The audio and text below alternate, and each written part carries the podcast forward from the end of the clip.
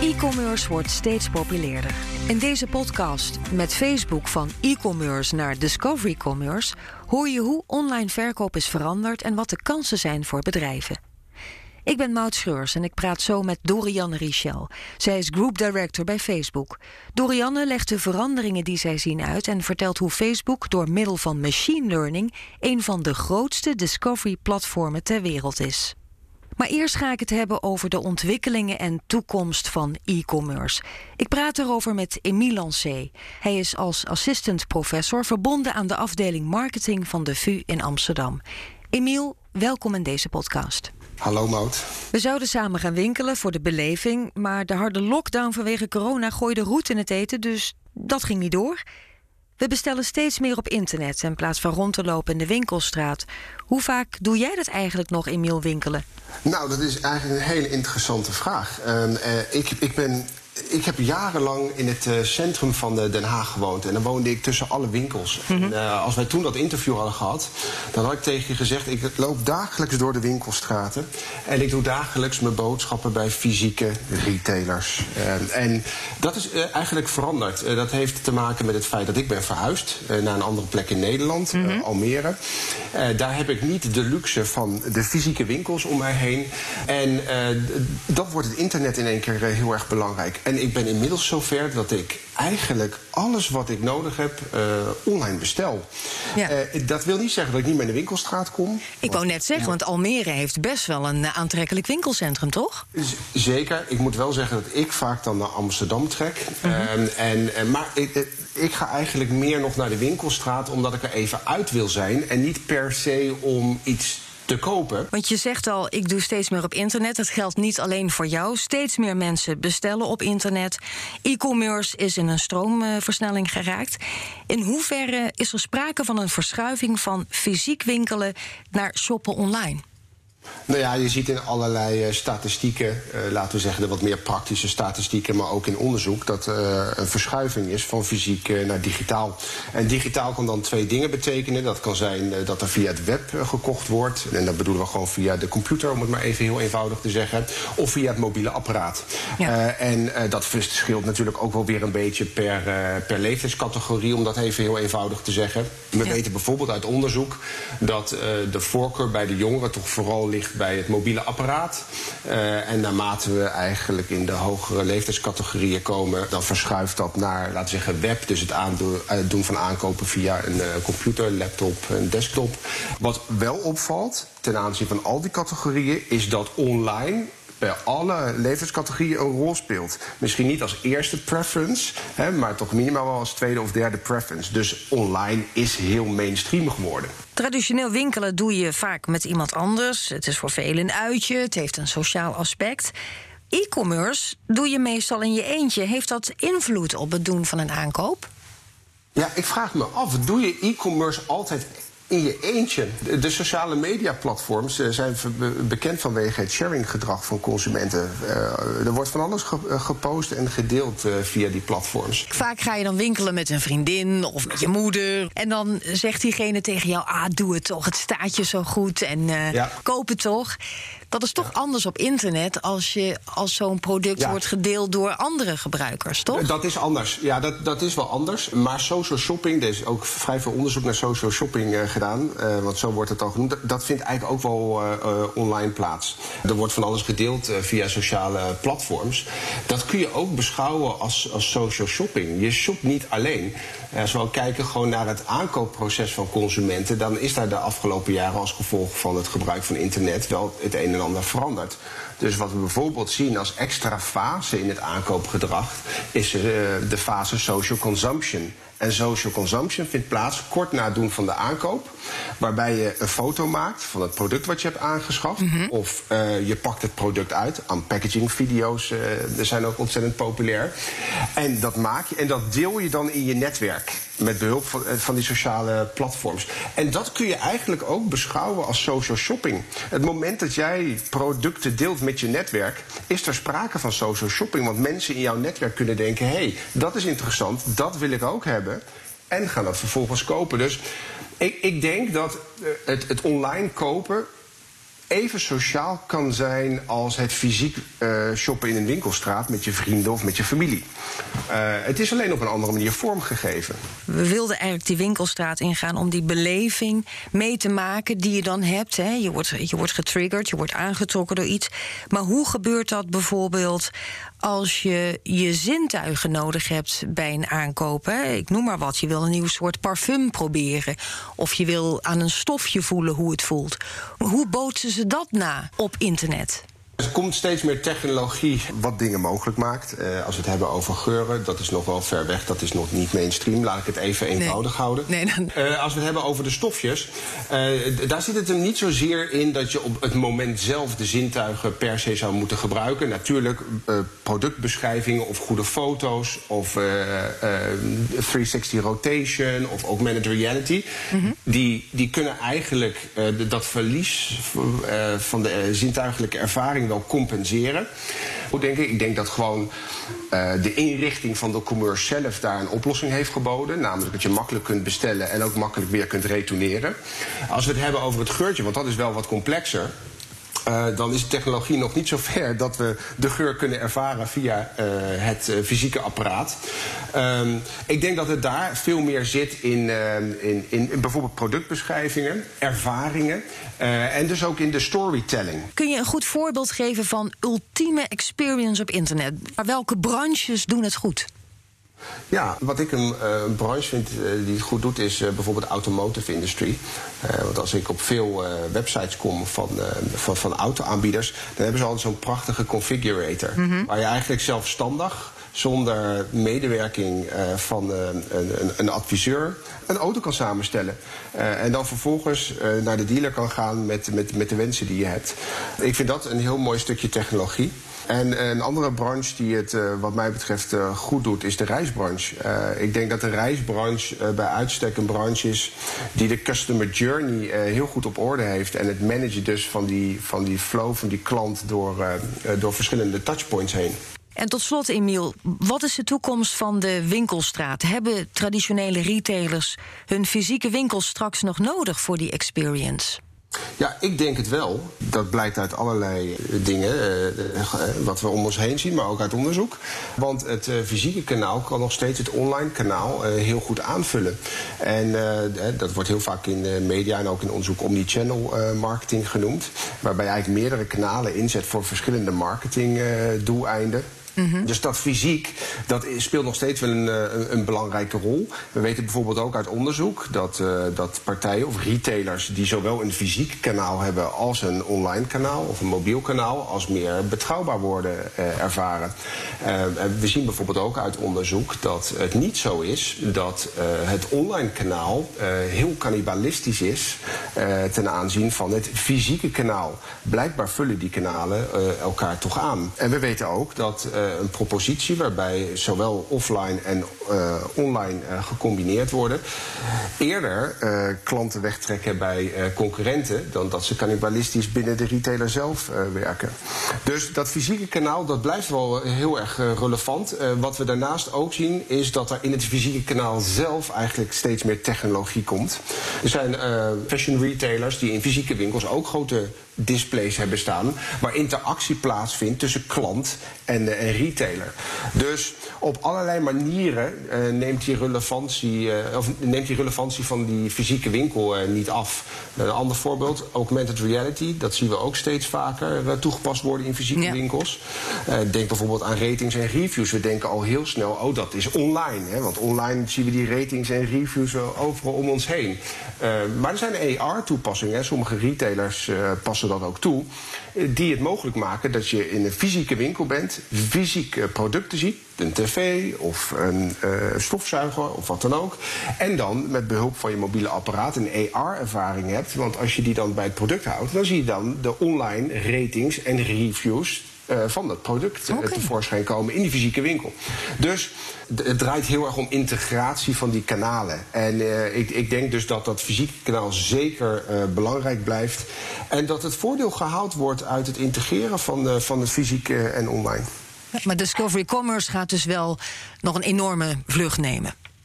Nou ja, kijk, als je dit uh, als idee doortrekt, dan kan ik me ook heel goed voorstellen dat er uh, in fysieke winkelomgevingen ook uh, Discovery Commerce toepassingen kunnen plaatsvinden. je bent in een fysieke winkel aan het winkelen, maar via je mobiele apparaat krijg je allerlei suggesties toegeworpen. Nou ja, dus nee, dat, zeker. Ja. Dankjewel voor dit gesprek. Emilan C. Hij is assistant professor, verbonden aan de afdeling marketing van de Vrije Universiteit Amsterdam. In het tweede deel van deze podcast horen we meer over Facebook, inmiddels een van de meest geavanceerde discovery engines ter wereld. Het platform heeft 1,8 miljard gebruikers per dag. Ik spreek hierover met Dorianne Richel. Zij is Group Director van Global Marketing en Sales bij Facebook in Nederland. Dorianne, welkom in deze podcast. Dankjewel, het is leuk dat ik er ben. Facebook is een grote speler van, op het gebied van e-commerce. Welke veranderingen eh, zien jullie ontstaan in die markt als het gaat om e-commerce? Ja, ontzettend veel natuurlijk. Uh, zeker dit jaar. 2020 heeft die hele overstap van offline naar online enorm versneld. En uh, dat zien we in alles. Hè. We zien het in, in, in videobellen, in online sporten, educatie. Maar eigenlijk bovenaan, met 49 procent, denken mensen dat ze niet alleen dit jaar veel meer online zijn gaan shoppen, maar dat ze dat ook gaan blijven doen. En uh, dat is een van de dingen die we dit jaar enorm hebben zien veranderen. Maar die verandering was natuurlijk al wat eerder begonnen. We gingen in de afgelopen jaren al steeds meer van traditioneel heel transactiegericht en koopgericht e-commerce stap voor stap steeds meer naar wat wij dan noemen discovery commerce. Namelijk het online shoppen langs de, ja, de hele koopfunnel. Dus van inspiratie tot, uh, tot en met het kopen uiteindelijk. -hmm. wat, wat is er? Want je had het over discovery commerce. Dat is een belangrijk punt in deze podcast, een belangrijk onderwerp. Wat is dat eigenlijk, discovery commerce? Eh, het online shoppen, het online winkelen uh, langs de hele verkoopfunnel. Dus van het moment dat je geïnspireerd raakt online door iets wat je ziet, uh, de manier waarop je het zou willen proberen of informatie erover zou willen krijgen, de ervaring van zo'n product, tot uiteindelijk het kopen van het product en daar ook nog een service over krijgen. Ja, want eigenlijk in het verleden gingen we vaak op zoek naar producten, maar is het ook niet zo dat de producten nu op zoek gaan? Naar de mensen? Ja, ja dat is, uh, zo zou je het kunnen, heel goed kunnen zeggen, inderdaad. In het verleden, uh, zeg maar, e-commerce bestaat nu een jaar of 25, waren we vooral heel erg gericht op het vindbaar maken van, van die producten. Mensen die waren op zoek naar iets, ze gingen heel gericht zoeken op een antwoord of een product wat ze wilden kopen. En alles wat we deden, dat begon bijvoorbeeld al een beetje bij startpagina, maar ook zoekmachines en later ook he, goed vindbare websites. Was heel erg gericht op die transactie, op dat laatste stuk van die funnel, op het kunnen kopen van dat product. Mm dat is wat we nu zien, mede door alle technische mogelijkheden, maar ook door de vraag van mensen die echt wel meer willen dan alleen maar dat transactiestuk, maar ook online veel meer willen beleven en meer willen zien. Zien we dat enorm veranderen in de laatste tijd. En zeker in dit jaar is dat uh, enorm versneld. En welke rol speelt Facebook in Discovery Commerce? De rol die wij daarin nemen, je gaf het eigenlijk in je introductie al, uh, al aan, is dat wij uh, in de afgelopen jaren echt uitgegroeid zijn tot een van de grootste discovery engines ter wereld. Niet alleen door het aantal mensen wat uh, dagelijks uh, op Facebook en Instagram, WhatsApp en Messenger zit, maar ook door het gedrag dat ze daar vertonen. Ze laten zich graag inspireren door anderen, doordat ze zien hoe mensen reizen. Of op Instagram zien ze hoe influencers bepaalde looks met kleding creëren. Dus die inspiratie is een, belangrijk element. En een ander stuk is natuurlijk ook hoe Facebook probeert uh, vanaf die inspiratie ook mensen uh, te connecten met de merken die ze leuk vinden.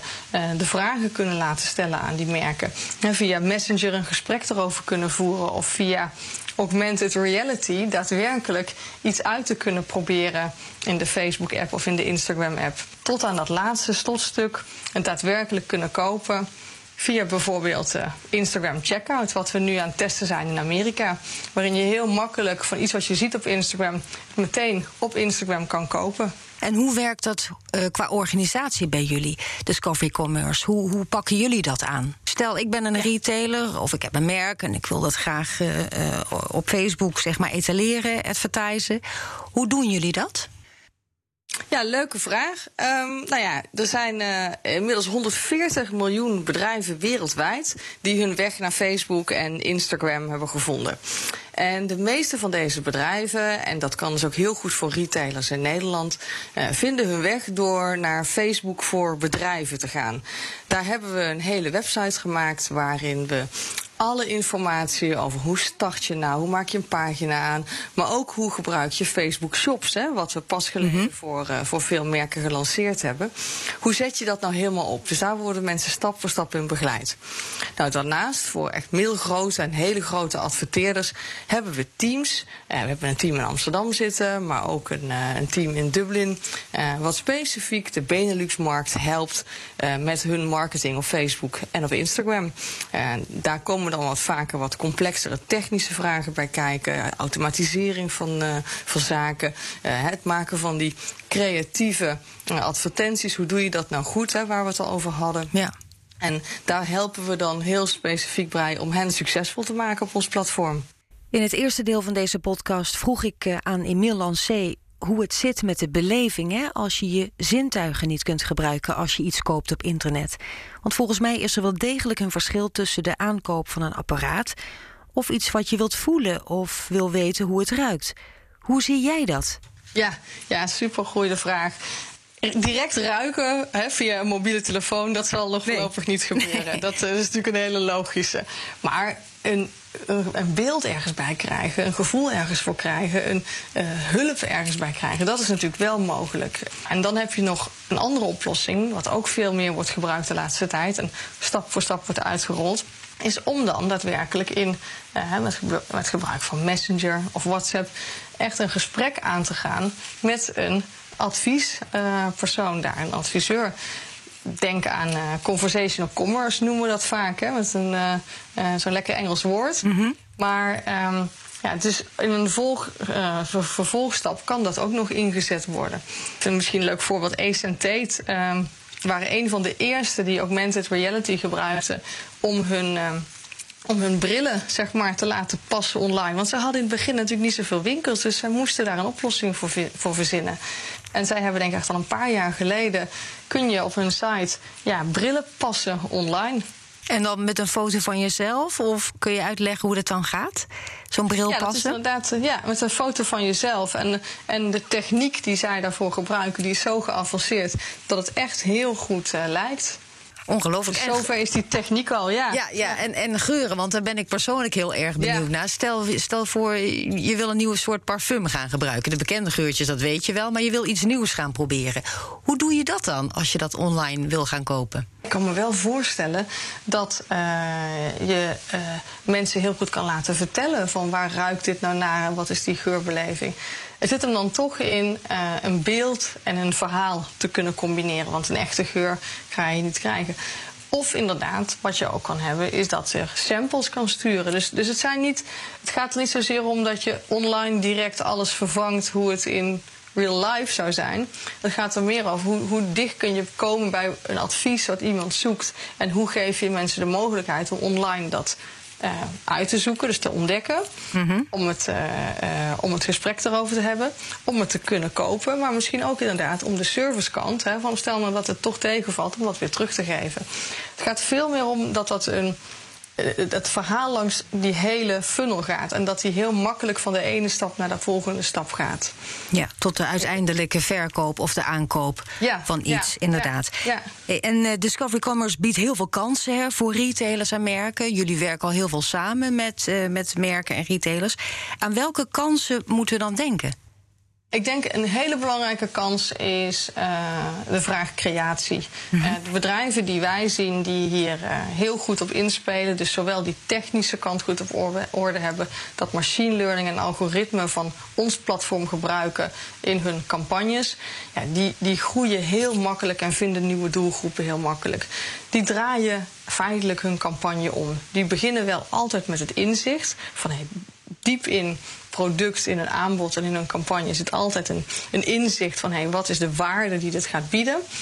Vervolgens gaan ze die waarde vertalen naar verschillende uh, ja, creative assets, dus verschillende campagnes, uh, het plaatje, het verhaaltje. En vervolgens gebruiken ze ons algoritme om daar de juiste doelgroep bij te verzinnen. Dus die gaat, dus zetten die campagne aan en via het algoritme vindt het dan mensen die hiervoor in de markt zijn. Je had het over die doelgroepen. Is dat de manier om die verschillende soorten doelgroepen dan uiteindelijk ook te, te bereiken? Via die algoritmes die jullie bieden? Ja, dat, dat is echt wel een kans dat, die, dat, Facebook en Instagram ook, uh, ook kan bieden. Dat je dus niet van tevoren je hoeft te beperken tot een bepaalde doelgroep. Omdat je denkt van hé, hey, deze mensen zitten op mijn product te wachten. Maar dat je het om kan draaien. En zegt van hé, hey, dit is het product, dit is de waarde die het biedt. En, en laat uh, het algoritme maar eens vinden welke mensen hier daadwerkelijk interesse in hebben.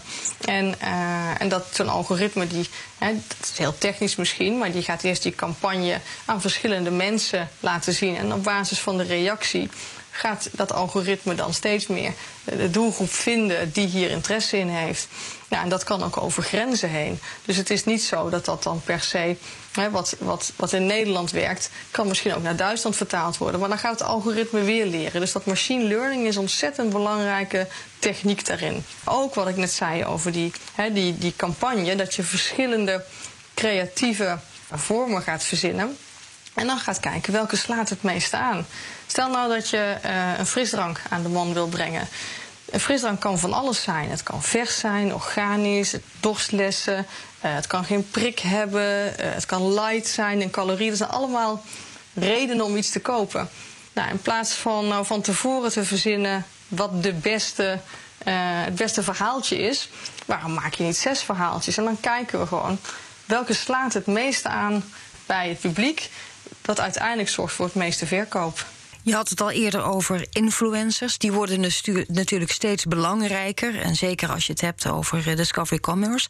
Wat is hun rol op Facebook? Ja, als je weer terug gaat kijken naar uh, die funnel. En wij weten over met z'n allen best wel dat die funnel is niet, anders, niet meer dan een framework. Hè. Het is natuurlijk helemaal niet zo lineair. Mensen gaan niet altijd precies van inspiratie naar uh, overweging, naar kopen om. Dat is vaak wat meer rond.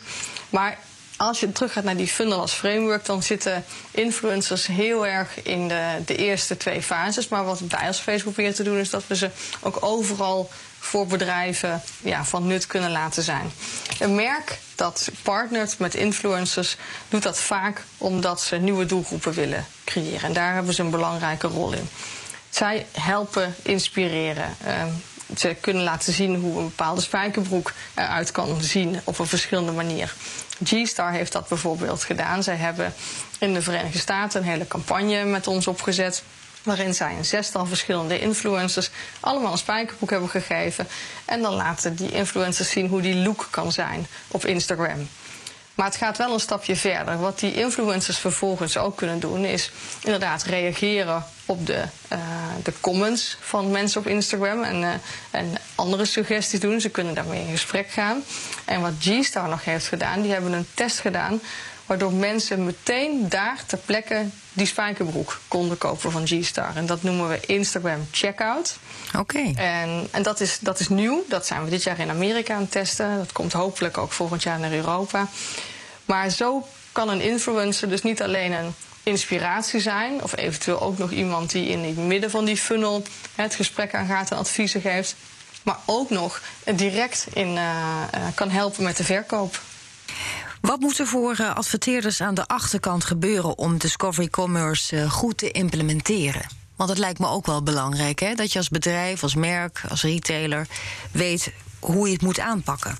Ja, wat natuurlijk altijd belangrijk blijft, en, dat, is, dat gaat niet weg. Hè? Dus waar we uh, 25 jaar geleden begonnen zijn met zorgen, stap voor stap, dat we een goede website hebben, een goede online shop hebben, dat blijft staan. Dus dat, daar verandert het niet. Maar waar we wel echt veranderingen zien bij bedrijven die hier uh, goed op inspelen, ten opzichte van een traditionele organisatieinrichting, is dat wij zien dat de sales teams en de marketingteams dichter bij elkaar zitten. Dat traditionele verschil dat wordt steeds minder. En dat komt omdat Discovery Commerce die hele funnel beslaat. Dus ze moeten heel erg nauw samenwerken. mijn G-Star voorbeeld van net is denk ik een, een aardig voorbeeld daarvan.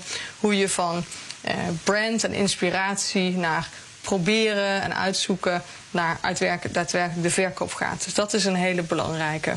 Ik denk een tweede is de juiste KPI's zetten. Dus wat zijn de echte targets? Weggaan van targets zoals hoeveel mensen er naar je website komen. Dus traffic targets of uh, kliks, dat soort dingen. Dat is echt niet meer van deze tijd. Targets moet je gewoon op waarde zetten. Dus wat is nu de uh, daadwerkelijke verkoopwaarde? Uh, hoeveel mensen zijn echt gaan converteren en voor welk bonbedrag? Eigenlijk wat je normaal in een retailer altijd zou doen. Dat kan online ook prima. En daar zou je op moeten sturen. Ik denk het derde ding, en dat is echt nieuw. En daar zijn al een aantal bedrijven heel ver mee. Is de, de techniek op orde gaan hebben. Dus in je campagnes goed die algoritmes kunnen gebruiken. Goed verschillende stukken in een, uh, ja, je creatieve content voor een campagne echt verschillend maken, zodat je daar goed mee kan testen. En dat zijn allemaal uh, ja, de meer functionele dingen die ik anders zou doen. En dan hebben we het nog niet over de mindset. Dat is nog een hele belangrijke. Welke trends zie je wereldwijd op het gebied van e-commerce? Zijn andere landen verder of lopen ze juist achter? Ja, dat is altijd mooi om naar te kunnen kijken, hè? Waar, waar je nog wat van kan leren. Um, nou, ten eerste denk ik, Nederland is wel uh, een, land wat uh, uh, echt wel goed meegaat in e-commerce. We hebben een voordeel dat ons distributienetwerk best wel fijn gemaast is. Hè? Dus mensen, als ze iets online kopen, kunnen ze het vrij snel hebben. En dat is ook wel belangrijk voor mensen. Um, je ziet het ook met online supermarkten. Hè? Dus, dus dat gaat eigenlijk wel goed. Maar waar we nog wel veel meer kunnen leren, is wat er gebeurt in Azië. En dat zit hem toch wat meer op het eh, minder functionele stuk. Hè. Dat minder dat e-commerce, maar meer discovery commerce. In Azië is men echt een stuk verder en dan is het echt al in veel landen in Azië op het gebied van het gebruik van augmented reality of live shopping of uh, conversational commerce. Dus via messaging of WhatsApp echt heel actief klanten uh, begeleiden. En, uh, en dat niet alleen uh, in campagnes doen, maar ook gewoon dagelijks in, in alle dingen. Een voorbeeld wat ik heb is wel eentje van een campagne. Dat vind ik echt een, een prachtig voorbeeld uit Maleisië. Waar in een 12 uur durende live show op Facebook klanten bij L'Oréal allemaal informatie konden krijgen van hun verschillende merken en hun producten. Dat was echt fantastisch. Uh, daar kwamen natuurlijk ook allemaal uh, giveaways voorbij en, en salesmomenten. Echt zoals je dat van een soort mm -hmm. live teleshopping mag verwachten. Oh ja, maar dan ja. als grote campagne. Ja. Maar wat zo bijzonder is, is dat mensen dan daaronder konden reageren onder die livestream. En dan konden ze een hashtag intikken. En op dat moment ging uh, het bedrijf, het merk, direct in gesprek met die persoon via Messenger. Nou, zij hebben in die, uh, in die 24 uur of 12 uur duurde die show, maar die chats die duurden nog wat langer. Hebben zij 2,4 miljoen mensen bereikt. Ze hebben 17.000 chats gehad. En in één dag vier keer zoveel verkocht als dat ze normaal doen. Ongelooflijk. Dat gebruik maken van dat soort dingen, dat zit, uh, daar lopen zij echt op voorop. Nou, is dit toevallig een campagne, maar je ziet het echt met dat, dat, dat live shopping, uh, het gebruik van augmented reality, wat ik net al zei, uh, en van Messenger als advies- en verkoopkanaal. Ja, dat, daar kunnen wij in Nederland denk ik echt nog wel eens goed naar kijken van hé, hey, wat zou nou bij ons werken? Hoe zie jij de toekomst van Discovery Commerce? Ja, ik denk dat we nog maar aan het begin staan. Kijk, mensen zijn, het is natuurlijk niet nieuw, hè? dus we zijn al een paar jaar die kant op aan het gaan. Ik noem ook wat voorbeelden van dingen die er al een tijd zijn. Instagram uh, is al een aantal jaar echt een, uh, een ontdekplatform zoals we dat kennen, waar mensen niet alleen nieuwe dingen ontdekken, maar ook echt actie erop ondernemen. Maar ik denk dat we wel nog aan het begin zijn, want de technieken worden steeds beter. Dat het snel maken van online advertentie uh, advertenties en echt letterlijk de creatie, hoe het eruit ziet. Dat dat dynamisch gebeurt. Dat, uh, dat je alleen maar adverteert op producten die er ook echt uh, in de voorraad zijn. Mm -hmm. Al dat soort technieken, ja, die, die, die zijn er, maar die zijn nog niet overal geïmplementeerd. Dus daar begint het mee. Ik denk dat we nog maar aan het begin staan van wat augmented reality ons gaat bieden. Uh, nou, misschien komen we ook nog ooit tot geuren, je weet het niet. Ja, ik hoop maar, het. Uh, dat zou wel heel leuk zijn. Maar echt dat augmented reality, dat neemt een, uh, een flinke vaart. En, en ik denk het hele automatiseren van uh, wat nu vaak handmatig werk is. Denk aan uh, nou, de deur-tot-deur foldertjes. De, gewoon de dingen die, uh, die we van de supermarkt in huis krijgen. Ja, dat kan toch allemaal veel slimmer en veel meer online. Dus daar, daar, daar verwacht ik nog veel van. Dankjewel voor dit gesprek. Dorianne Richel. In deze podcast van Facebook hoorden we hoe onze online ervaringen steeds meer vervlochten raken met onze ervaringen offline. Wanneer je vroeger online iets wilde kopen, ging je op zoek naar een specifiek product. Maar nu kun je ook tegen iets aanlopen en zo een mooi product ontdekken. Van mensen vinden producten naar producten vinden mensen. En dat biedt enorm veel kansen voor merken. Nieuwe consumenten komen zo in zicht waarvan je niet eens wist dat ze interesse hebben in jouw product. En dan ligt zelfs de wereld plots aan je voeten. Wil je meer weten over hoe je als merk die kansen kunt pakken? Lees meer hierover met Facebook van e-commerce naar Discovery Commerce op fd.nl.